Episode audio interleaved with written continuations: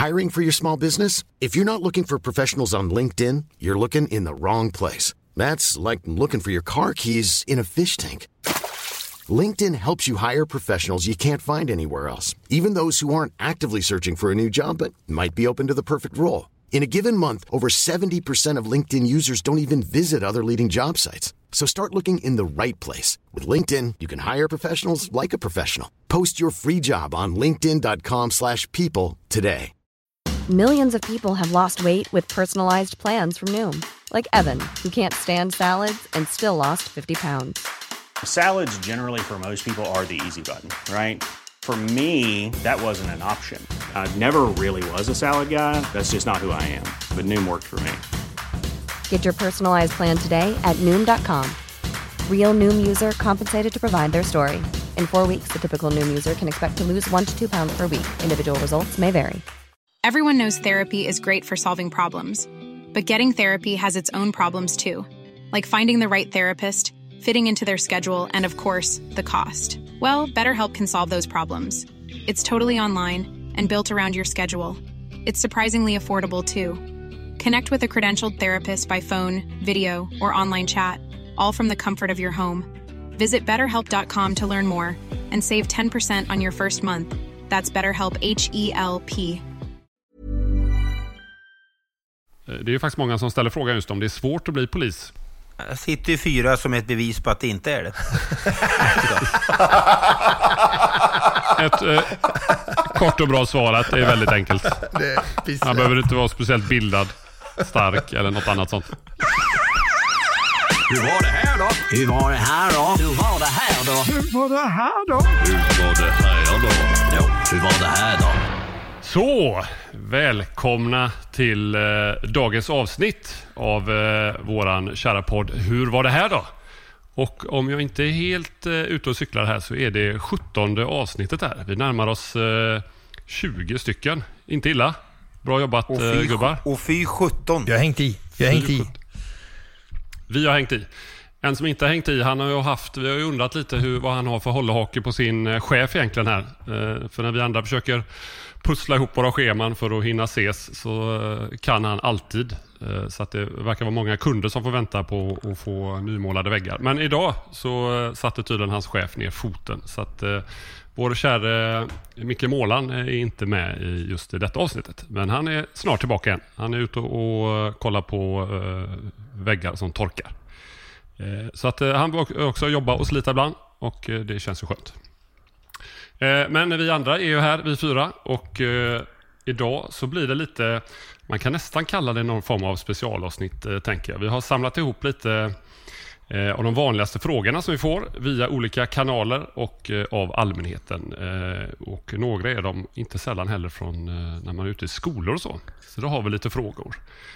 Och sen, vet inte, Nadde, har du lite koll på kändisfråga och lyssnarfråga? Ska vi spoila något direkt här och ge lite hintar om vad eh, som väntar i programmet? Ja, men jag tänker lyssnafrågan så eh, blir det ingen eftersom alla frågorna som vi kommer få är ju från mer eller mindre lyssnare eller folk vi möter. Men kändisfrågan kommer ifrån den, en av Sveriges främsta deckarförfattare faktiskt, Leffe Grimwalker, som har ställt, inte en utan faktiskt två frågor i en. Så den ska vi avhandla sen. Spännande, spännande. Och eh, som vi brukar göra när vi jobbar så kör vi ju även i, i våran podd här någon form av lite startsamtal här, Hur man har haft det eh, senaste tiden så här. Eh, det brukar vi även ha på jobbet att man har startsamtal innan passet börjar lite så man eh, får eh, känna lite på hur andra mår och hur de ser inför uppdraget och sådär så man har lite koll på varandra. Så att vi börjar med, jag ska inte säga vad, vad han fick för smeknamn nyss eller vad, vem han var lik, men mannen i mitten på min skärm i alla fall med mustaschen här. Hur är läget Peppe? Ja men det är gött. Jag gjorde en sak som jag aldrig trodde jag skulle göra om igen. Jag var ute och på en karaokebar igår. alltså jag, jag är så tondöv, så jävla tondöv. Jag, jag ska också säga, jag gjorde det här för att faktiskt eventuellt kunna flytta upp till Stockholm och eh, ge, göra ett bidrag där för poliskören. Men jag inser att jag blir kvar hemma i Göteborg. Jag, jag plattar Ja, inte. vi, vi har lite standard, lite krav på standard så att... Men du, du Men har du ingen skulle, aning? du skulle kunna... li- eh, Gröna jägaren har karaoke. Det är bara att köra. Nej, men jag har insett att det här kan nog vara kan ha varit min sista gång i livet som jag faktiskt eh, sjunger. Det är rätt roligt, men det är inte kul när man, man har micken för nära mun och man verkligen hör hur, hur illa det låter. Men eh, ja, så är, det, så är det. I övrigt mår jag bra. Eh, solen skiner och eh, sommaren är på intågande. Härligt. Vi kanske kan köra någon form av eh, specialavsnitt sen när vi har en eh, audition eh, för poliskören. Så får Viktor Mm. bedöma våra olika röster där. Det varit, även det form av, skitkul eh, faktiskt. Kombinerad fyllepodd kanske, för jag kommer inte sjunga nykter. Det finns inte en chans. Men vi går vidare här. Viktor som fortfarande har råd att ha t-shirtar på sig. Så nu har flexat sin biceps på bilden här. Hur är läget med dig? Poliskören framträdde igår inför EU-delegaterna på Vrakmuseet i Stockholm.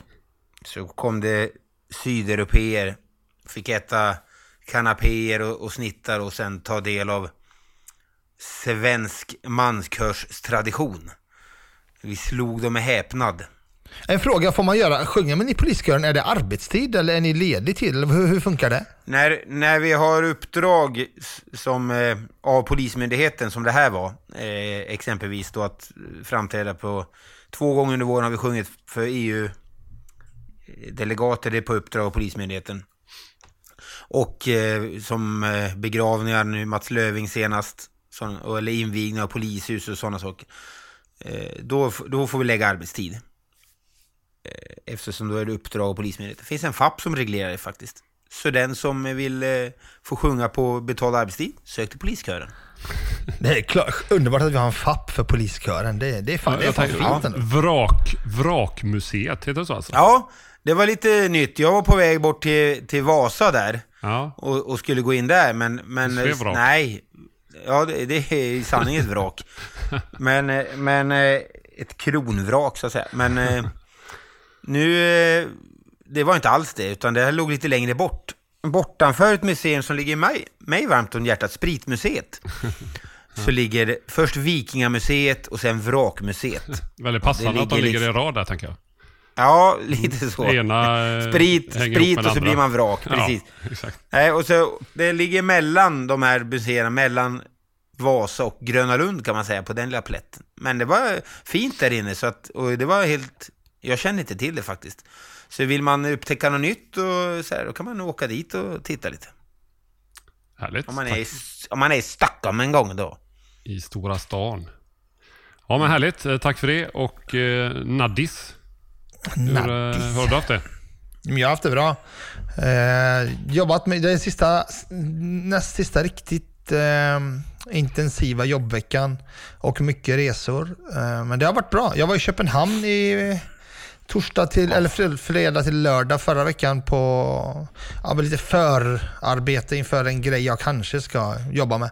Eh, ett eh, tag. Och då var jag vi, ute på kvällen där, som sig bör när man jobbar hårt på dagarna. Och då var vi också på en karaokebar. Eh, och det var andra gången i mitt liv faktiskt. Och det var så jäkla kul för vi i Sverige här, eller vi i Sverige, jag vet fan, men de karaokebarerna som jag är van vid, den, den som jag har varit på, eh, ska jag säga. Där fick man ju typ ett eget bås med sina vänner liksom. Och så satt man där och höll på. Men här var ju, vi, vi, var, vi hamnade på en karaokebar där alla, alltså det var ju bara framför en stor bar. Och när vi kom in så var det, vi var ju själva, det var ju jag och några grabbvänner. Eh, och så var vi där och var vi, först var vi ensamma och vi körde på lite grann, hade lite kul. Jag körde några hiphop-låtar men sen blev det ju smockfullt där inne. Och det, blev, det, blev, det var faktiskt mycket roligare än vad jag trodde. Så ska, jag, jag ska aldrig mer håna karaoke utan jag är numera ett fan av det. Men du kan ju faktiskt sjunga. En i taget, Peppe. Ja, Ja, men du, du kan ju sjunga. Det såg vi på din eh, release, eh, eller ettårs-releasefest till lika också 40-årsskiva. Ja. Fan. det var ju faktiskt väldigt Ja, bra. så, så, så snacka inte ner dig själv här Nej. nu. Du, du har ju, du, du borde nästan ge det ett försök att, att åtminstone gå på en Idol-audition. Alltså, Eh, jag hänger på. Jag kan säga så här, just de låtarna, den genren, den West Coast hiphop, Eminem, Dr Dre, jag kan ju de låtarna i sömnen, så jag är väldigt trygg i dem. Och de är, det går bra, men jag vet inte om det klassas för att sjunga, det är mer rappa liksom. Det, det är jag bra på. Men jag har ingen sångröst som jag tror man måste ha för att eh, matcha Viktors eh, krav på en, sång, på en kör, gosse liksom. Men, men, men Viktor snackar ju mest. Är det någon som faktiskt har hört honom sjunga? Kan du, kan du inte ta lite ton här nu Viktor? Ja, liksom- snälla. Eh, Nej, det ska inte Den Typ som tar ton, ljus eller något. Jag skulle vilja, ja, nej men vad fint. Jag eh, älskar Danmark och Köpenhamn. Så att eh, jag blir Nej, släpp inte det här nu. Ja, men det var, det var, Och den, men, men Adde, man kan säga så här. Du har aldrig sjungit på karaokebar förrän du har framträtt på Dubliners i Falun. På den karaokebaren. Det är, ett- det är ett stålbad, ett elddop. Man stryk om man eh, sjunger dåligt eller?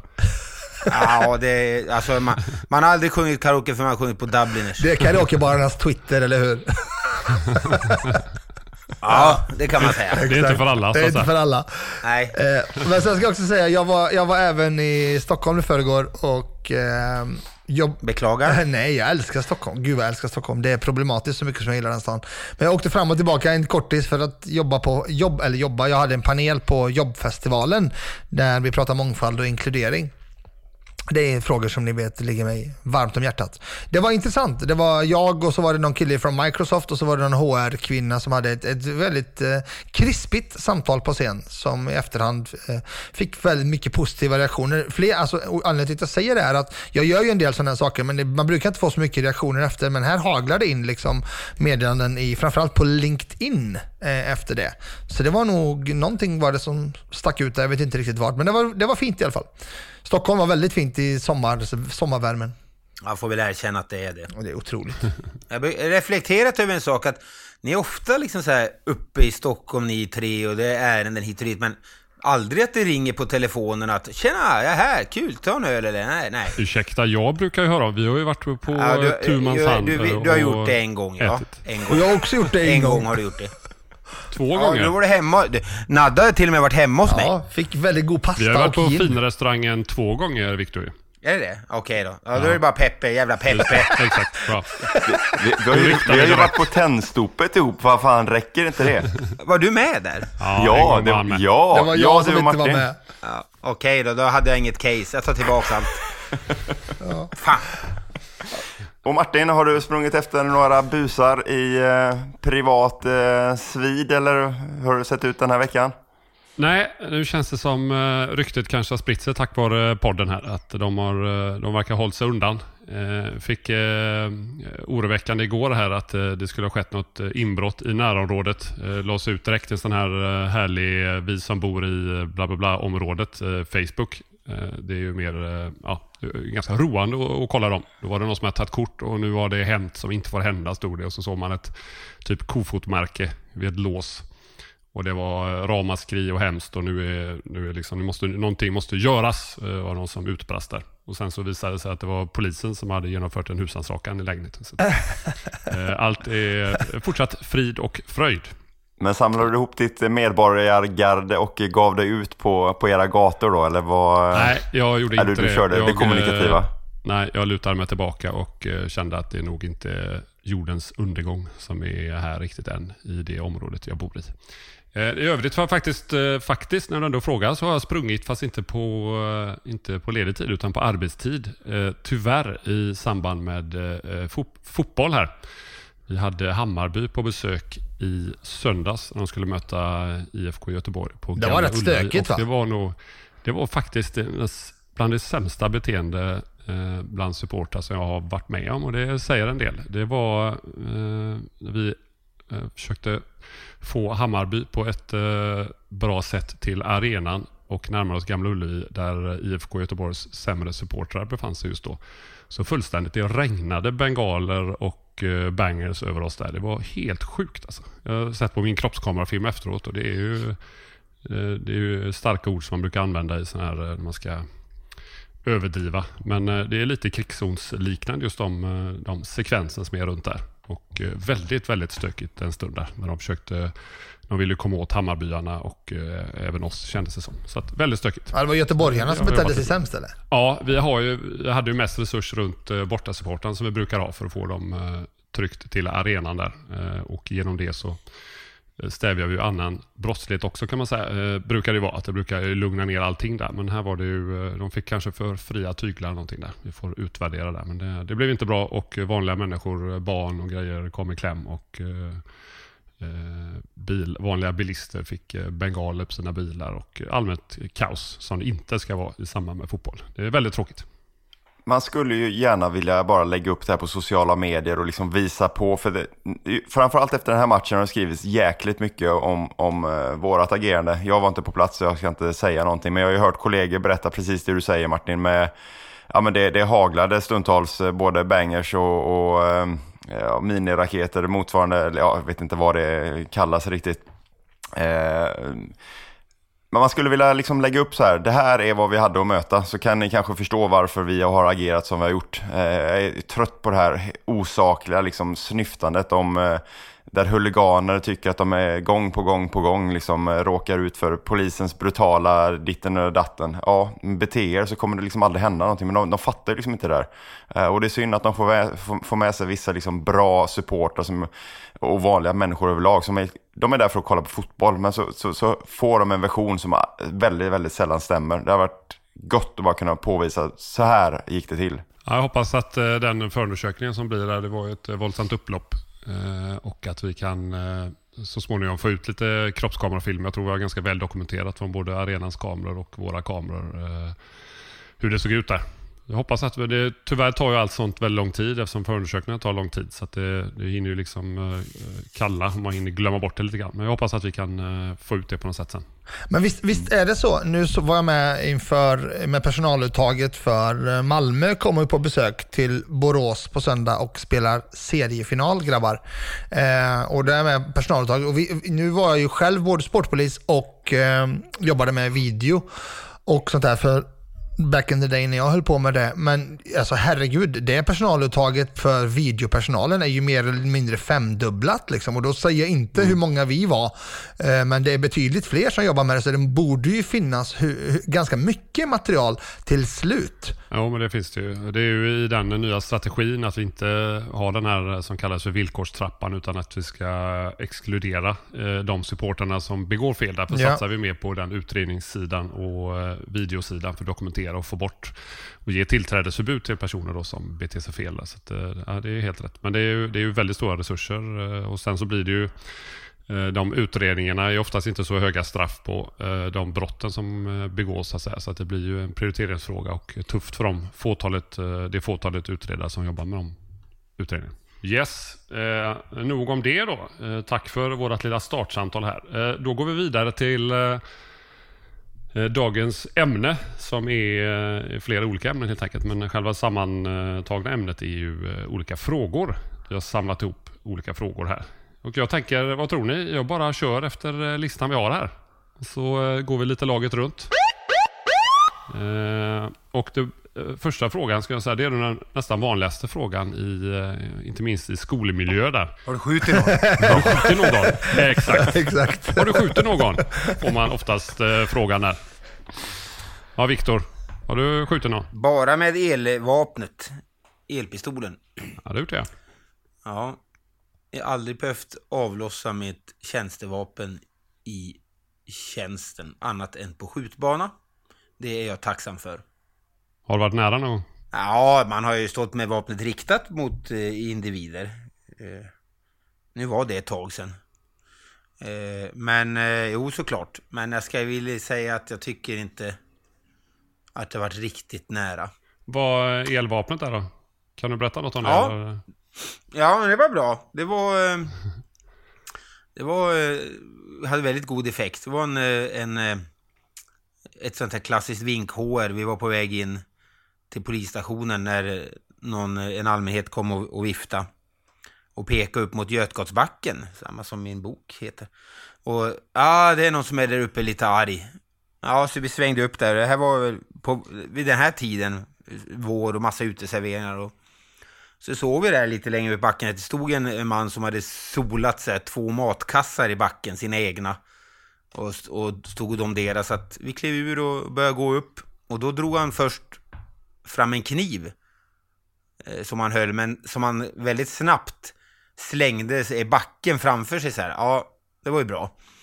Men sen gick han eh, två steg fram och, och då hade jag redan elvapnet uppe ska sägas. Då gick han två steg fram och sparkade kollegan på axeln.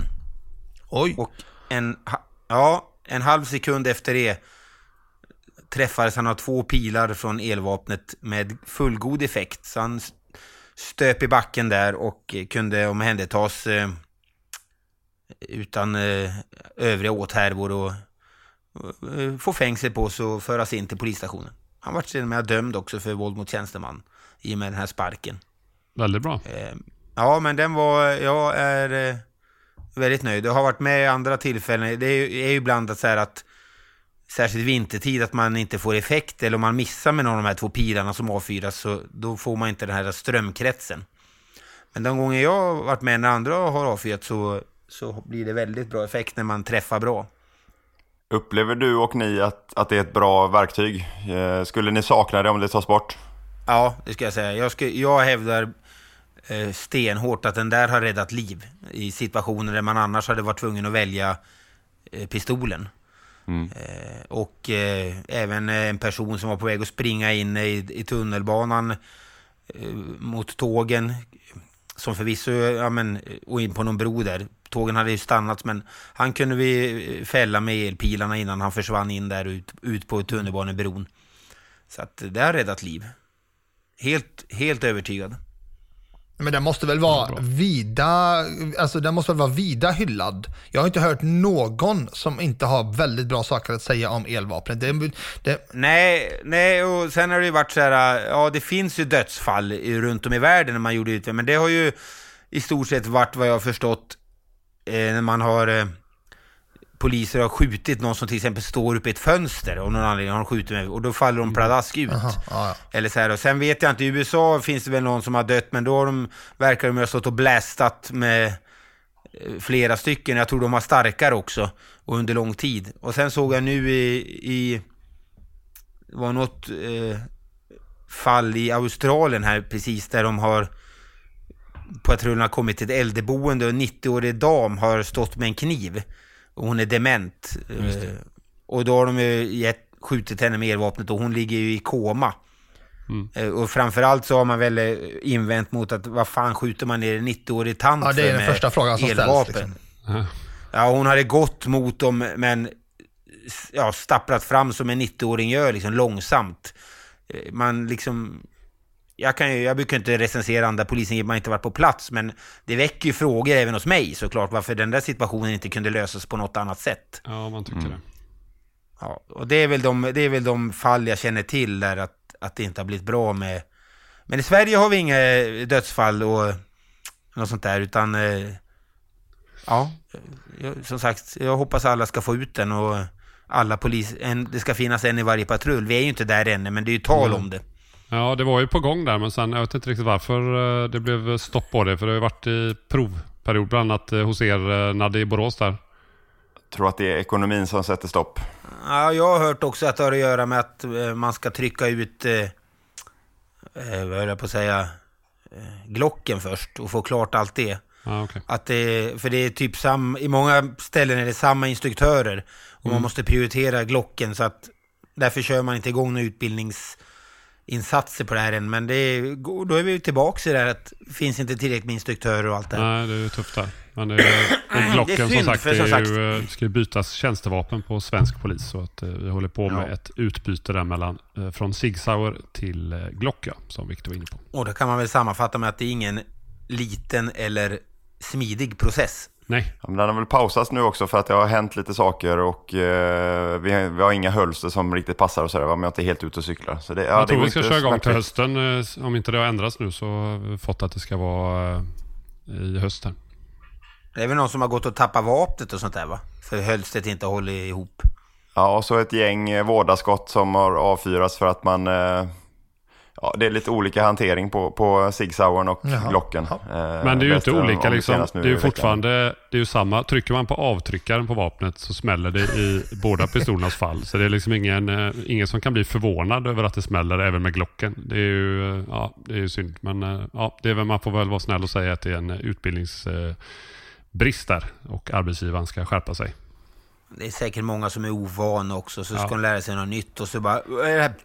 Eh, ni andra då, om vi återgår till frågan där med eh, tjänstevapnen. Vad har ni för erfarenhet i eh, de typen av lite hetare situationer? Eller mycket hetare situationer? Nej, men det är precis som Viktor säger. Jag har inte av, eh, avfyrat mitt tjänstevapen annat än på skjutbanan eh, och har inte heller varit nära eh, att göra det. Men dock eh, har, har tagit upp att, och varit beredd på att, att, eh, att faktiskt verka med mitt tjänstevapen. Och jag tror att det, det här kommer bli vanligare och vanligare i, i takt med den arbetsmiljön som vi har. Eh, och det var inte för många år sedan som vi på vårt turlag eh, hade faktiskt 35 procent eller 33 procent som hade avfyrat sitt tjänstevapen. Eh, och, och, ja, en slump eller inte, men det, det, det är ju väldigt hög andel. Eh, och jag tror tyvärr att det här kommer bli vanligare framöver.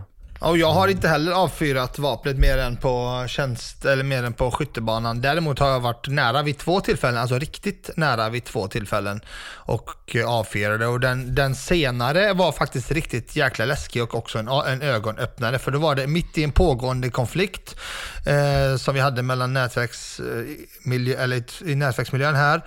Och då jobbade vi civilt, vi körde en hyrbil och vi, körde, vi följde en annan bil helt enkelt. Eh, inte för att kontrollera utan för, i spaningssyfte. Och helt plötsligt så stannar den bilen in till vägkanten och ut kliver två grabbar fullt med varsin pistol och riktar mot oss och där vi, vi kliver ut också och vi drar vapen och, och när vi skriker polis, då släpper de vapnet. Eh, eller sina vapen. För, och, då, och efter, det är ju grabbar som vi kände till, men då säger de efteråt, fan vi trodde att ni var det rivaliserande gänget liksom. Det var därför de stannade till och skulle liksom börja peppra in i våran bil. Så det var, där var det inte polisen de ville liksom eh, komma åt. Eh, och det, var, det, var, det, var faktiskt, det var faktiskt ganska läskigt, helt ärligt. Eh, men det var, då var det riktigt nära, men där släppte de så jäkla snabbt så att det gick inte.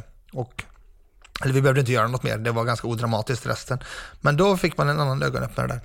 Det är ju väldigt farligt. Det är ju i de röda konflikterna vi har där. De är ju så på helspänn och vissa narkotikapåverkade och de hela tiden är på sin vakt. Mm. Så det, det, är ju jättefarligt att jobba civilt mot dem där. Ja, det var tur att det gick eh, så bra som det gjorde såklart. Jag ska säga, det här var också innan tiden då, eh, då det var automatiskt grovt vapenbrott. Så de fick ju piss och ingenting liksom i, ja. i domar. Ja. ja, det är väldigt bra med skärpta lagstiftningar. Ja. Eh, jag har faktiskt skjutit en gång i tjänsten, fast det blev som tur var varningsskott bara. Då var jag ganska ny. Jag har jobbat i två år, typ i påsken 2007 var detta. Då var det några arbetskamrater i eh, Angered som hade de skulle gå på lunchen, skulle de gå och handla lite eh, påskgrejer tror jag. Eh, och så var det någon som bara gick upp bakom dem, sa någonting och sen högg den ena i nacken eller i nära halsen med en kniv. Och vi var i området, det var inte mitt område, men det var i området på ett annat larm. Så att vi blev omdirigerade och åkte där. Då fick vi med hans den knivhuggnes kompis eh, som hade sett gärningsmannen då, eh, i våran polisbil. Och så eh, pekade han ut riktningen han hade sprungit. Så efter en stund så pekade han ut att där är han. Eh, och då var vi kanske, vad kan varit en 50-75 meter från honom. Så att jag sprang, satt på föreplats liksom på rätt sida eh, närmast. Så att jag sprang ikapp honom. Och då eh, lyfte han kniv mot mig och hotade och höll på där. Så då, mm. Men då kunde jag inte skjuta honom för att det var bostadsområde. Jag kommer fortfarande ihåg hur det var Eh, någon kvinna med barnvagn eh, en liten bit bakom. Så man tänkte bara, fan missar jag nu så blir det ju inte bra. Så att då blev det varningsskott till slut och sen så var det någon kollega som använde eh, OC-spray som är väldigt effektfullt eh, på honom istället. Så släppte han kniven. Men då var jag väldigt nära att skjuta. Jag tror, jag tror nästan hade det varit idag, man är lite lugnare och mer erfaren, så är det nog risk att jag hade skjutit honom tror jag. För efter det har vi även utbildats mot, eh, mot terror och farliga individer på ett annat sätt och lite mer offensiva och inte riskera så mycket och kanske försöka skjuta lite tidigare för att inte behöva skjuta dödligt. Utan ja. kanske skjuta mot benen och så istället. Ja. Mm. Så i alla fall. Så en av fyra här helt enkelt. Mm. Eh, något som är lite vanligare är ju, eh, men som också får frågor när någon tittar igenom vår utrustning och pekar på de olika grejerna här så har vi ju, vi har ju OC-spray om man tänker på olika vålds Eh, del av vapen som vi har på oss. Vi har OC-sprayen och pepparspray och så har vi batong och så elpistol. Elpistol har vi varit inne på lite grann där. Men hur är det med spray och batong? Hur vanligt är det? Jag har faktiskt aldrig sprayat under mina 15 år. Har du aldrig sprayat under dina 15 år? Åh, sjukt. Fan, jag sprayade ju mm. söndags senast. ja. Sen har lägena absolut funnits, men jag, jag sätter en större prestige att snacka ner folk i de här lägena. Och sen så ska jag också säga att jag eh, blir ganska så, så utslagen av, av pepparsprayen. Så Eh, du men jag sprayar inte att för din allt- egen skull, säg som det är. Nej, men, men jag har Om ju du blivit vänder sprayad av kollegor. munstycket Så jag, så, så kommer sprayen på de andra. vad, vad sa du nu? Vad, vad sa du? Jag sa att du får vända du? på munstycket så får inte du sprayen på dig utan eh, Ja, nej, nej, du nej. men, nej jag, Däremot har jag blivit sprayad av kollegor ett, ett flertal gånger. Ehm, så det är inte så att jag blir helt utslagen, men jag tycker inte att det är jätteskoj. Och sen eh, sanering och allting efteråt, nej. Det går att lösa på enklare, smidigare sätt, eh, allt som oftast. Ehm, men, eh, mm. Jag har sprayat. Jag använder den, Klart att du jag har. använder den frekvent. Den var väldigt bra på den tiden. Det be- be- behövde ta till mycket mindre våld när man använde den. Så det var väldigt bra hjälpmedel när det kom tyckte jag. Jag, jag, jag måste berätta en, en sån rolig grej. Eh, jag jobbar med en ny kollega eh, och så åker vi på ett larm med eh, Ja, men det var en kvinnomisshandlare som hade ja, men slagit på sin eh, sambo ganska fult och lämnat. Och det, det är mitt i natten här. Eh, och vi springer på den här eh, killen som är ja, men jäkligt, ja, men ganska så, så bitig och, och utåtagerande. Och vi känner väl så här, nej, men här är ingen idé att liksom försöka ta en, en eh, fysisk fight utan, utan vi, vi sprayar honom. Och så som man lärs på skolan så, så ska man ju alltid skrika OC liksom för att eh, kollegorna ska vara, vara beredda och sådär. Men vi har liksom en diskussion innan, liksom, ah, men det är nog, vi sprayar honom, vi sprayar honom. Så, så kollegan drar upp sin OC och sen så, så skriker han så här, OC! Och så sprayar han och så, och så kollar vi liksom på varandra och så bara, men, men vad fan håller du på med? Och, och så börjar vi liksom garva liksom lite i det här eh, och så flyger vi på den här eh, personen då och så är det i vintertid så vi skickar ner honom i en snödriva. Och han börjar liksom göra ett jäkla motstånd där och, och vi har inte, hade, hade inte jobbat ihop med varandra sådär jättemånga eh, pass tidigare. Vi var nya bägge två i Borås. Eh, så eh, ja, men det blir ju liksom en liten fight där. Och han, han ligger och spjärnar emot som fasen tycker vi. Så, vet jag att jag säger till Fan, lägg ner nu, sluta upp liksom. Och han fortsätter och fortsätter och, och jag drar i ena armen och kollegan drar i andra armen. Så, "Vad för helvete, lägg ner nu. Jag gör ju ingenting. Jo, det gör du. Jag gör ingenting. Jo, det gör du. Då visar det sig, då har ju liksom kollegan och jag dratt i samma hand eller arm. Så, och då blir det så här, ja, okej då, okej, du gjorde ingenting. Ja, men det, det är sådana här, ja, när man inte riktigt, eh, när man inte riktigt eh, är, är samkörda med varandra, då, då kan det bli sådana här eh, roliga I'm Sandra, and I'm just the professional your small business was looking for. But you didn't hire me because you didn't use LinkedIn jobs. LinkedIn has professionals you can't find anywhere else, including those who aren't actively looking for a new job but might be open to the perfect role, like me. In a given month, over 70% of LinkedIn users don't visit other leading job sites. So if you're not looking on LinkedIn, you'll miss out on great candidates like Sandra. Start hiring professionals like a professional. Post your free job on linkedin.com/people today. Everyone knows therapy is great for solving problems, but getting therapy has its own problems too, like finding the right therapist, fitting into their schedule, and of course, the cost. Well, BetterHelp can solve those problems. It's totally online and built around your schedule. It's surprisingly affordable too. Connect with a credentialed therapist by phone, video, or online chat, all from the comfort of your home. Visit betterhelp.com to learn more and save 10% on your first month.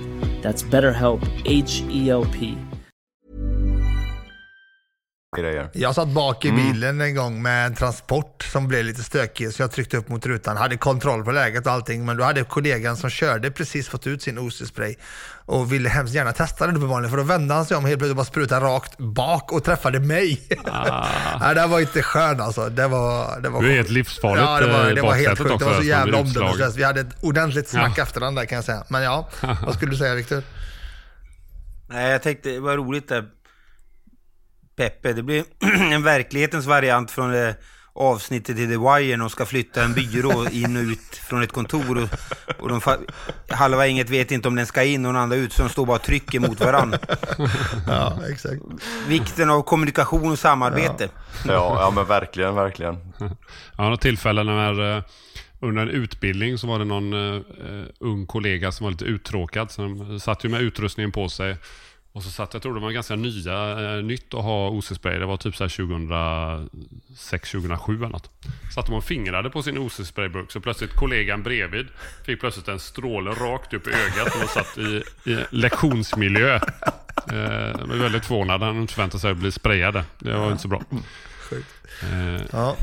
Det har även hänt på Söder. Då lyckades en, en aspirant spraya yttre befälet på utsättningen. Jag var inte yttre befälet ska sägas, men eh, Stackarn. det var, det var populärt. det är ett jobbigt utvecklingssamtal. Det finns Ja. mycket att utveckla. Ja, men det finns ju så jäkla många sådana här roliga grejer. Vi borde ju nästan ta ett program bara och, och dra sådana här roliga grejer. Men jag, jag, måste, jag har ett par grejer, men jag vill lyfta en i alla fall. Det var en, eh, en ny kollega som hade jobbat som väktare innan eh, i en annan stad än vad, han nu då mer tjänstgjorde.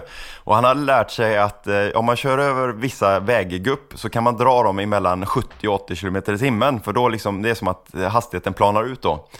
Eh, Det var bara det att i- i den här nya staden då för honom så, så funkar det inte riktigt på samma sätt. Så han, han åker med sitt yttre befäl och kommer liksom ganska fort in eh, på, på en vägbula, så, ja, typ i 80 km i timmen.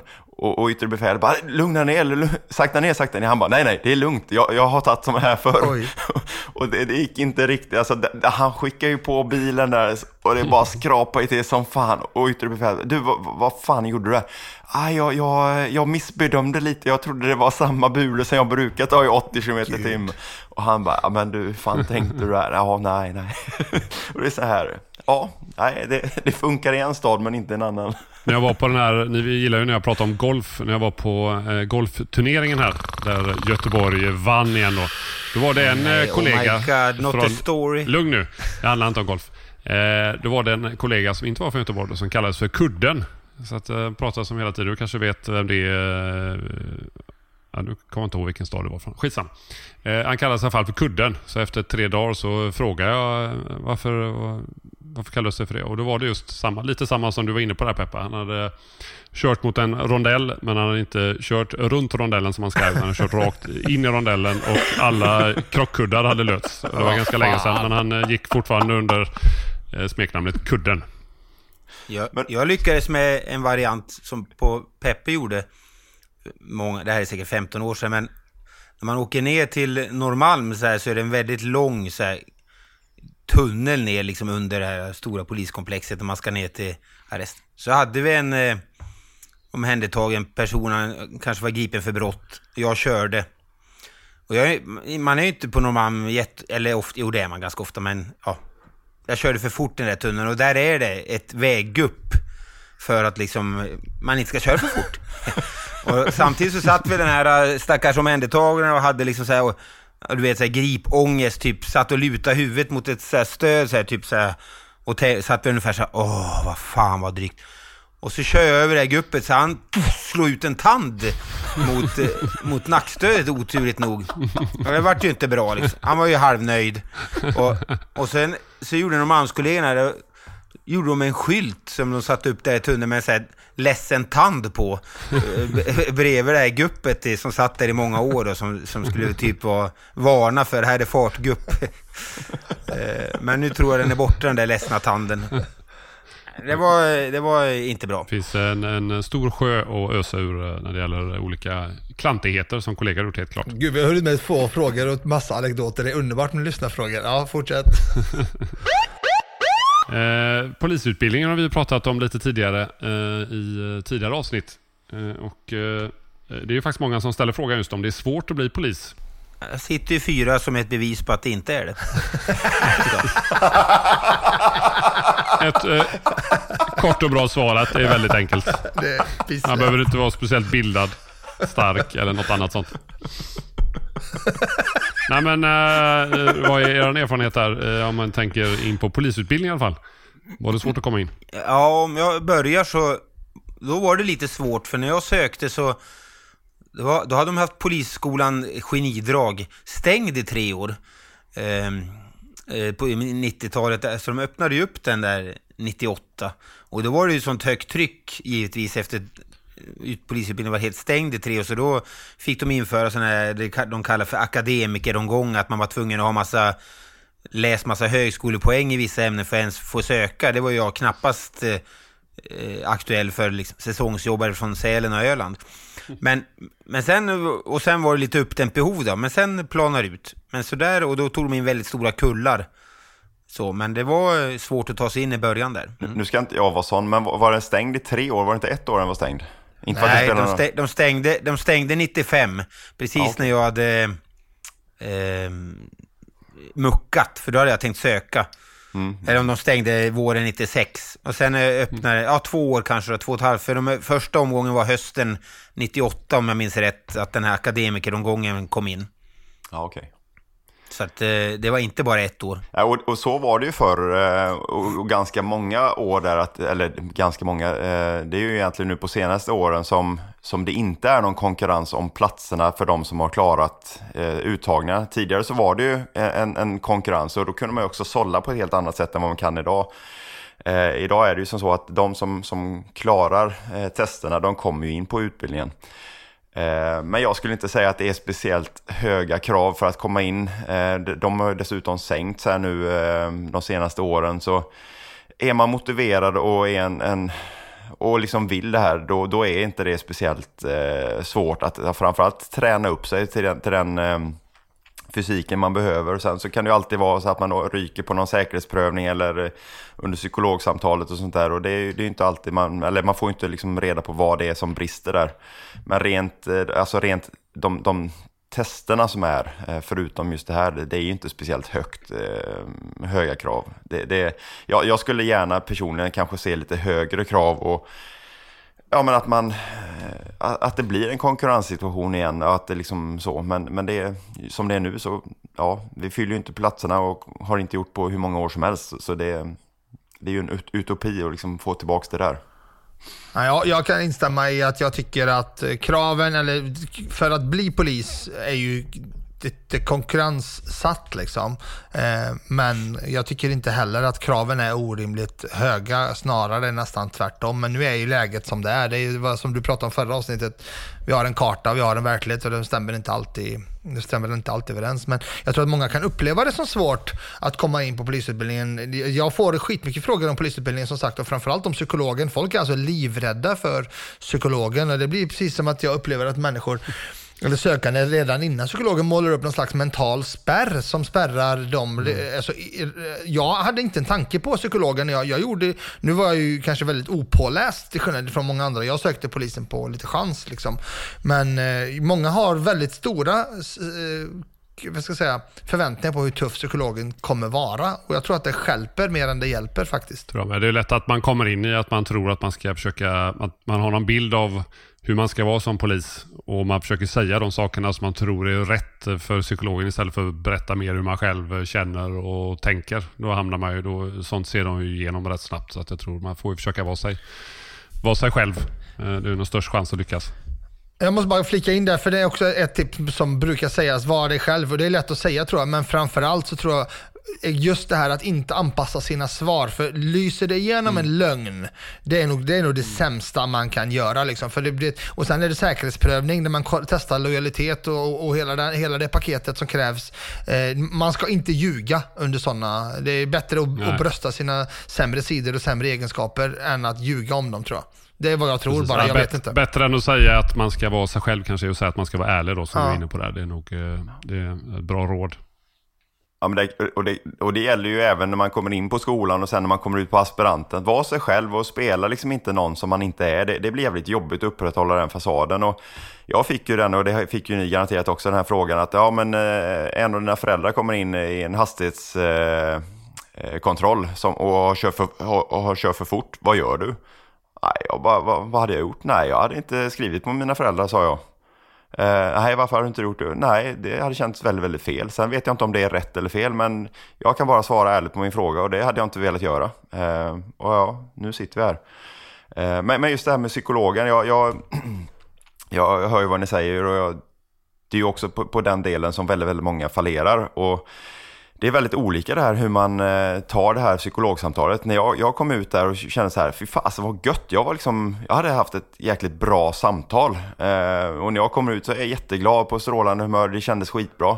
Och sen tre sekunder senare så, så springer ut en kille från eh, andra psykologrummet eh, där, liksom storgråter och är helt knäckt. Liksom. Så det, ja, det beror nog lite på vad, vad man tar upp. För de trycker ju på vissa svaga punkter om, om det finns några sådana. Och, för vissa kan det bli jäkligt tungt. Eh, för andra väldigt bra samtal och man känner sig liksom eh, skön efteråt. Mm. Sådär.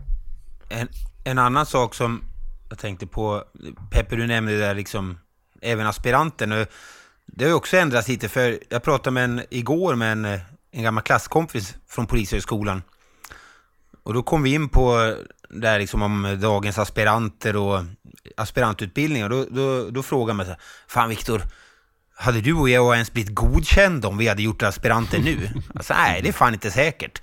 För den, så den har ju blivit, tycker jag, upplever jag, mer uppstyrd mm, jo, och mer liksom noggrann. Och det är hårdare krav och det följs upp också. Eh, det diskuteras, ja men alla ska igenom och sådär, men jag upplever inte att det är så riktigt. Utan eh, man har en hårdare styrning och uppföljning idag. Peppe, du har väl bättre koll hur det, ja, hur det förhåller absolut. sig? Eh, ja, ser man till siffrorna så är det inte så att det släpps igenom fler idag än tidigare, utan jag skulle nog säga att man har lärt sig av misstagen att eh, får du in problemkollegor så kommer de vara problem genom liksom hela, hela eh, karriären. Det, det, kan vi ju se, många Exakt. kollegor som aldrig kanske skulle varit här, eller inte många, men några stycken.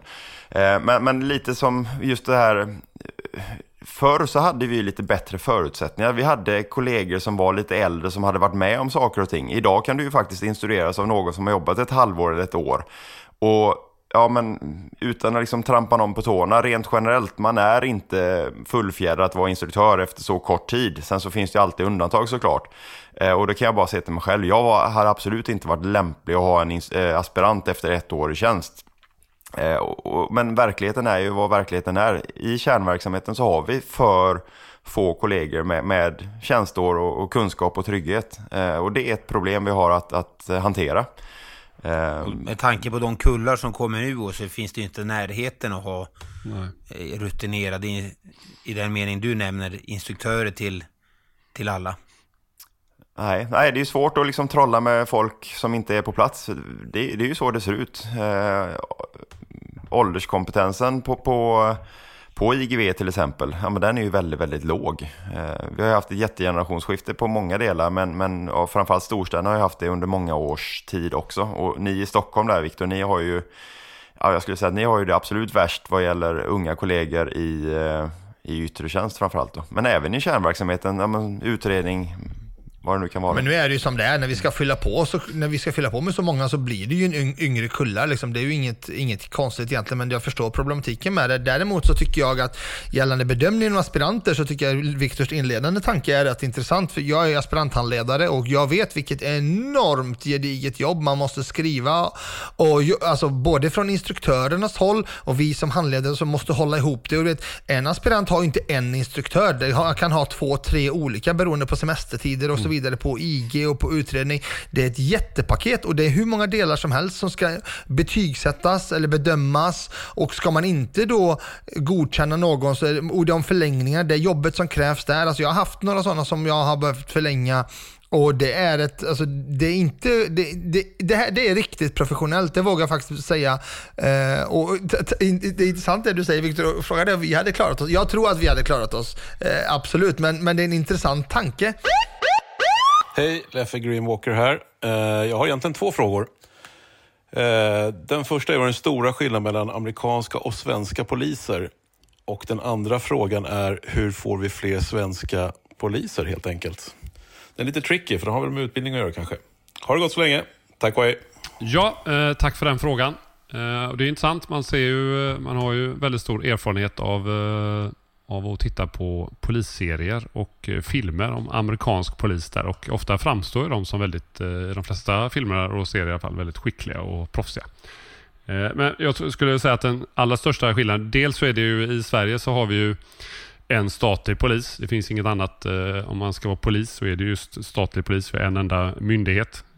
I USA så finns det ju otrolig mängd olika små polisorganisationer och eh, andra större polisorganisationer som eh, såklart. Men eh, massa olika små kommuner eller vad det nu kallas där och har ju sin egna polis och det finns FBI och det finns State Trooper och allt möjligt. Men jag tror annars, förutom det, organisationsmässigt så är det jättestor skillnad i att utbildningen är ju väsentligt kortare i USA eh, än vad den är här. Här har vi två år på skola och sen ett halvår eh, aspirant. Eh, efter det så är man ju färdig polis fast oftast i, nu innebär det ju ändå att man, man kommer ändå fortsätta lite grann i någon form av utbildningsform för att förkovra sig och bli bättre där. I USA så, eh, så, skil, så varierar eh, utbildningen mellan bara 10 till 10 och 36 veckor. Eh, vilket såklart är väldigt, väldigt mycket kortare. Man hinner inte med så mycket. Så det säger sig själv att, eh, att man kommer ha en liten kunskapslucka eh, gentemot svensk polis skulle jag säga. Eh, har ni för eh, annan eh, erfarenhet eller kunskap där att bjuda på? Nej, jag tyckte du sammanfattade det utmärkt. Jag är den där torra faktakillen som, eh, som du brukar påpeka. Med betoning på torr. Ja, jag är torr.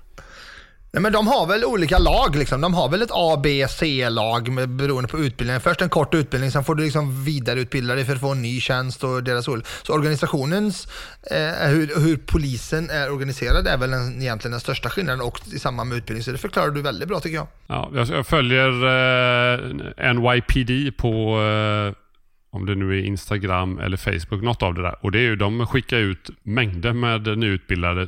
Det är helt sjukt hela tiden. Om man ser nu har en ny utbildning börjat och sen så tar det bara några veckor så är den färdigutbildad och har uniform och har sina befogenheter. Så att det går väldigt fort. NY, NYPD är för övrigt väldigt på och framåt i sociala medier. Ja, det får man säga. På, på, på ett bra sätt tycker jag. Mm. Eh, De var tidiga både på Twitter och eh, Är de bättre än Instagram oss? Vi alltså, vi här. Är de bättre än oss menar du? Lugn nu. men, men eh, god tvåa då. De har också, de har ju, eh, det, det varumärket är ju väldigt starkt eh, som NYPD har. Jag måste säga att deras uniformer är också en, en det är De är stiliga. stiliga och ändå så ser de ut att vara ganska praktiska. Och ingen jävla den. Båtmössa tycker- där inte. Nej, våra, Nej, här- våra uniformer har närmat sig där lite grann med våra rakade byxor och de jackorna och så. Så att jag tycker vi har ändå kommit så att det blir lite bättre. Men de är väldigt, eh, det ser eh, proffsigt, snyggt och ordentligt ut tycker jag. Ja, men just det, vad gäller den amerikanska polisen, så de som förespråkar en hård och stark polis, de brukar ofta lyfta upp den amerikanska polisen som väldigt, väldigt bra. Och ja, eh, den absoluta, alltså toppen på den amerikanska polisen är ju otroligt bra och välutbildad, men, men de riktigt dåliga varianterna eh, är ju riktigt dåliga. Eh, och det, det, det bottnar ju i mångt och mycket av att det finns så olika utbildningsgrad. Eh, och det är någonting man, man börja titta lite på också här i Sverige. Att man ska ha liksom olika utbildningar och att man inte ska ha den här grundstommen som vi har idag med våra två år på, på skolan eh, där alla får samma utbildning och sen så kan, kan i sina ehm, eh, fortsatta karriärer läsa vidare och liksom utbilda sig och, och bli ännu bättre. Och det här är någonting som jag ser eh, med oro fram emot. Kan jag säga. Vi, vi har en, en polis som är eh, som har ett väldigt, väldigt gott renommé i hela världen skulle jag vilja säga.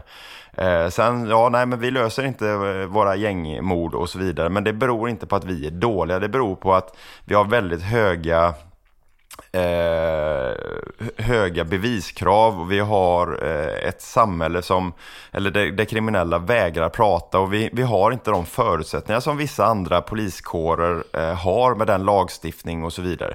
Vi ser ju bara nu med Encro och Anom och allt det här, det här är ju tack vare andra poliskårers eller andra länders lagstiftning. Så vi ska liksom inte in och börja peta i, i våran, våran grundutbildning som är väldigt, väldigt bra. Den ligger liksom till grund för att vi är så pass duktiga som vi ändå är. Eh, sen så kan jag förstå att, att de som är kritiska till oss tycker så här, ja, men vad är det för blaj, ni är inte alls bra. Ja, men då får man också se på saker och ting eh, i ett större perspektiv. Eh, vi har liksom en, poliskår som skulle vara, om man ser med EU-snitt, 10 000 poliser till. Bara en sån sak. Ja, och dessutom så Peppe lyfte upp en ganska viktig detalj där i de här eh, i USA då, de här eh, att det är så blandad utbildning och kvalitet och när det ställs på sin spets det, jag tror det är idag, eller om det är dagarna, så är det ett år sedan den här hemska skjutningen på en skola i Texas. Eh, de gick in och sköt och där de första poliserna på plats ja, helt enkelt inte agerade utan eh, kände att de måste avvakta och eh, vänta på andra ska komma och agera och massa barn sköts ihjäl. Och vart det jättemycket kritik för det. I Sverige har vi ju trots allt det här konceptet pågående ödet våld, så alla poliser vågar jag hävda vet att de måste in och försöka avbryta det här.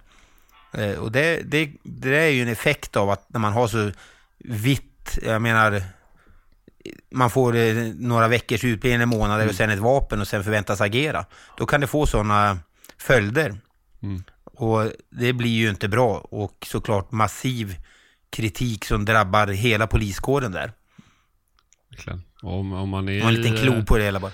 En fördel de har ändå, det är ju eh, om man ser, om man har varit i New York, eh, som bland annat jag har varit, så ser man ju poliser väldigt eh, frekvent. I alla fall i de turistkvarteren där jag eh, brukar hänga. Jag har varit där två gånger. Men, eh, de har ju då, på deras yta där, New York, eh, är ju cirka 8-9 miljoner invånare.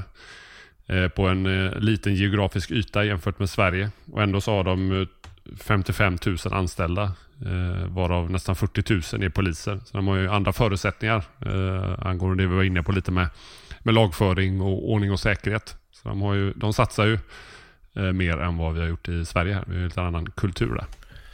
Jag vill fortfarande hävda att jag tycker inte att det är en helt korkad idé att se över, inte våran basutbildning, inte våran grund som vi står på, den ska fortfarande vara densamma, men att vi sedan i efterhand kan speci- specialisera oss eller välja riktning tidigare, för det tror jag öppnar dörren för fler. Jag tänker på Försvarsmaktens modell, men vi har pratat om det i ett annat avsnitt, vi behöver inte gå in på det mer än så, innan Peppe får tuppjuck på mig. Jag tycker det ser ut som, eh, det ser ut som pe Peppe har en synpunkt Ja, på det. som. exploderar i huvudet på honom här precis.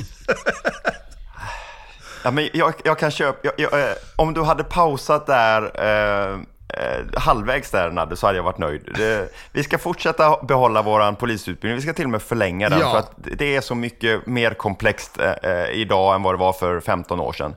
Och sen det vi behöver jobba på det är ju när vi väl har kommit ut i tjänst, att man ska kunna, eh, tills, eh, att man ska kunna eh, specialisera sig allt eftersom. Det är ju mer eller mindre omöjligt idag. Vi, har ju, vi går ju så fullständigt på knäna så vi, vi, vi kan inte skicka folk på, på utbildning. Vi har inga som, som kan utbilda i den eh, mån det behövs och så vidare. Eh, Så det här det är ett så stort paket som, som hänger ihop. Eh, Men för att bli fler eh, poliser så behöver vi också ha bättre villkor. Vi, vi behöver vara en attraktiv arbetsgivare både i, i, i lönekuvertet men också i ja, personalpolitik. Vi, vi kanske ska sluta snacka och börja leverera Det är istället. ett av polisens Eh, högsta det- mål, att vara attraktiv arbetsplats. Eh, Är vi inte det? Jo, jo, men eh, man snackar ju. Det är ju, det är ju bara blaj. Det händer ju absolut ingenting. Och jag, alltså hur ska man rekrytera Händer det folk? verkligen Ja, men det, ingenting Peppe? Ja, det var hårda ord. Det händer väl ändå del. ganska mycket. Okej, berätta vad som har blivit så ofantligt mycket bättre.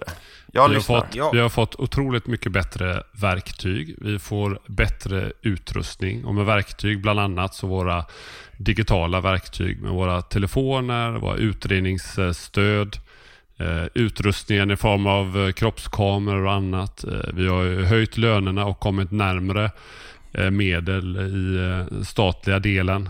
Eh, det finns en mängd olika saker. Det var bara det snabbt som man kom på att säga direkt. Peppe själv var satt här och var nöjd över att instruktörerna får så bra ersättningsavtal här nyligen. Det är också ett steg i rätt riktning. Jo, men absolut. Vi börjar här då. De tekniska hjälpmedlen, har det med en personalpolitik att göra? De mjuka frågorna att göra? Nej, det har det absolut inte. Lönen, hur har den kommit till? Jo, tack vare Polisförbundets arbete gentemot politiken som har tillfört lönemedel. Bra. Eh, Det blev inte bra hur man fördelade, för arbetsgivaren körde själv sitt egna spår, körde över Polisförbundet och fördelade på yttre tjänst. Nu har man problem med inre tjänst. Varför har man det? Jo, för att de fick inte en krona. Det blev inte jättebra. Eh, instruktörsavdelen, eh, eh, instruktör och Han handledartilläggen, de han ökade. vibrerar när han Låt pratar. han prata, jag Nej, älskar men jag- honom nu. Låt han prata. Herregud. Nej, och, och, men, och det blev jättebra. Ja, varför blev det bra? Jo, för att man tillsammans kom fram till att öka, öka på de här eh, tilläggen. När vi gör saker och ting tillsammans, Polisförbundet och Polismyndigheten, utan någon större prestige, då blir det bra. Men Polismyndigheten har en jäkla förmåga att köra sitt eget race och det har inte blivit bra. Så Peppe, sammanfattningsvis med det du sa och jag sa, så har det alltså hänt saker, det kan vi säga då. Inte som du sa nyss att det inte har hänt någonting. Kan vi enas om det då? Ja, men det är ju skillnad på mjuka och hårda frågor. Kan vi enas Tek- om att det faktiskt har hänt någonting? Nej. Nej. Ja, Du sa ju absolut. precis att det har hänt någonting. Nej, nej du, du vet att jag har rätt i den här frågan. Nej, men jag, jag nej, köper... Jo, det har jag. Till hundra procent. På Polisförbundets kongress hade du rivit ner applåder, men här är du med, med folk som även har arbetsgivarperspektivet och vi håller inte helt med dig. Nej, Nej, men och det är du sa ju själv att för, det har hänt arbetsgivaren saker. skulle ju liksom inte lägga sig på rygg och säga nej, det här blev inte bra. Nej, men det Men kanske är dags att, lite jag sa ödmjukhet. inte att arbetsgivaren står för allting som har hänt. Men det är ju ändå, trots att, eh, oavsett, så har det ju hänt saker. Det sa du ju precis själv att det har hänt saker. Ja, så det kan man väl säga. Och man kan absolut. då inte sitta och säga att det inte har hänt någonting. För det har det ju Ja, gjort. men det, jo, men då får du också se, vem är, är, är det tack vare arbetsgivaren? Nu pratar vi liksom arbetsgivaren. Men för att, för att återgå lite till ämnet, hur ska vi bli fler? Jo, men bara en sån sak som att vi poliser som jobbar i organisationen kan känna så här, det här är världens bästa jobb, eller ett väldigt, väldigt bra jobb. Vi har en väldigt bra arbetsgivare, vi har bra förutsättningar för att göra ett bra jobb. Jag det är ju det. den bästa reklampelaren. Det är den bästa reklampelaren. Kan jag med gott samvete rekommendera polisyrket idag? Nej, det kan inte jag. Jag Skulle jag vilja det. lämna yrket? Ja, men det är klart att du kan. Du, ja, ja, men det... det åh. Nej, jag, jag, jag tar paus. Får jag bara medla lite grann mellan er? Mina, de medlemmar jag jobbar med på... Ja, kör. Ja, men ge mig en sekund bara. Det jag tänker, det Peppe, Peppe spetsade till det ordentligt i början och sa att det inte hänt någonting. När sanningen är att det har hänt saker. Jag tror inte det, det, det, är- det är inte att det inte har hänt något, utan det är nog hur det har hänt saker. Peppe tycker inte att det är arbetsgivarens i förtjänst att det har hänt saker egentligen. Så att egentligen har ju ni båda rätt, säger den som egentligen inte är den bästa medlaren här. Men det känns som att ni är inte, ni, ni är inte så överens som det kanske är oöverens som det låter. Det där var bra, Nadde. Det var bra. Nej, jag vill bara påpeka att det har hänt saker. Inte vem, jag säger inte att det är arbetsgivarens förtjänst. Eh, utan jag, jag är ju alltså helt för facket är jättebra och det är klart att facket har en jätteviktig roll i alla olika verksamheter och yrken. Det är klart de har det. Men det har hänt saker. Och jag tror också att för arbetsgivaren, det låter som ett abstrakt ont eh, begrepp. Men det är ju bland annat eh, jag och det är ju alla andra anställda egentligen, som, eller alla andra chefer som, som utgör eh, arbetsgivaren. Det är klart att man vill att medarbetare ska trivas och att man vill också att verksamheten ska gå framåt, att vi ska göra medborgarna tryggare och att, det ska vara, att vi ska vara en bra polis. Eh, och Det innebär ju också att man ställer krav och att det, det finns olika saker som kanske inte alltid är till alla arbets eh, eller medarbetares eh, gagn med lite tuffa schema och annat. Men det är, viss del måste det vara så. Man, har ju ändå, man är anställd och får en lön om man ska utföra ett uppdrag. Och Då kan man inte alltid välja själv vad man ska göra bland annat. Då. Så det, alla kommer inte vara nöjda. Man kan ju liksom ändå liksom så här, lyssna på medarbetarna. Vad behövs för att göra ett bättre jobb? Jo, det här och det här. Ja, men bra. Då kanske vi kan försöka jobba i den riktningen. Och där, alltså, tycker vi så här, ja, vi är inte överens överhuvudtaget kan jag säga. Men när vi väl gör någonting tillsammans, Polisförbundet, arbetsgivaren, då är vi jävligt bra. När det verkligen sätts på sin spets, då är svensk polis så förbannat bra. Och det känns skitkul att vi liksom sitter i samma båt mot samma mål. Tänk att ha den känslan varje dag, året om, att vi gör fan med precis allt vi kan för att få en så bra polis det bara går. Ett exempel, eh, jag nämnde det för några avsnitt sedan. Då var jag ju med på en konferens i Stockholm angående våran eh, chatt, hur den ska utvecklas. Det är ju arbetsgivaren som, Lunch som lunch. anordnar den och sen så får man lunch till lunch. Ja. Och eh, det var ju inte så att det var bara chefer där utan det var ju medarbetare på olika nivåer. Och då fick man föra fram vad behöver vi för att kunna göra vårt jobb bättre och arbetsgivaren ser till att skapa förutsättningar för att det utvecklas. Det är ju ett exempel av jättemånga. Ja, och, och det är ju superbra. Äntligen har man ju börjat lyssna på vad, vad vi medarbetare behöver och det, man kör inte den här kontorsprodukten eh, produkten längre. Eh, det är skitbra. Så det har hänt saker då? En liten eh, en resa har påbörjats eh, som vi ska nå i mål med och fortfarande kan saker bli bättre. Ja, så är det. Visst finns det mål och mening i vår färd, men det är resan dit som är mödan värd. Åh, du är underbar. Viktor. Det, ah, alltså det där, det där tar vi ett Ja, avslut vi på. Var det från eh, Peppes favoritförfattare eller? Karin Boye. Ah, du är underbar Viktor. Fantastiskt. Ska vi eh, säga så för den här gången och jag hoppas att eh, målaren hittar en lucka i eh, sitt Och just det, eh, schema han är inte med idag. Vi har knappt saknat honom ju. Jo, vi har saknat honom. Jo. Okej. The Painter. Men eh, med det då så tror jag vi tackar för idag va, eh, gubbar? Det gör vi. Tack för idag. Må väl. Hej då. Hej, hej. Hej, hej. Hey. Let's be careful out here. Ja, hur var det här då?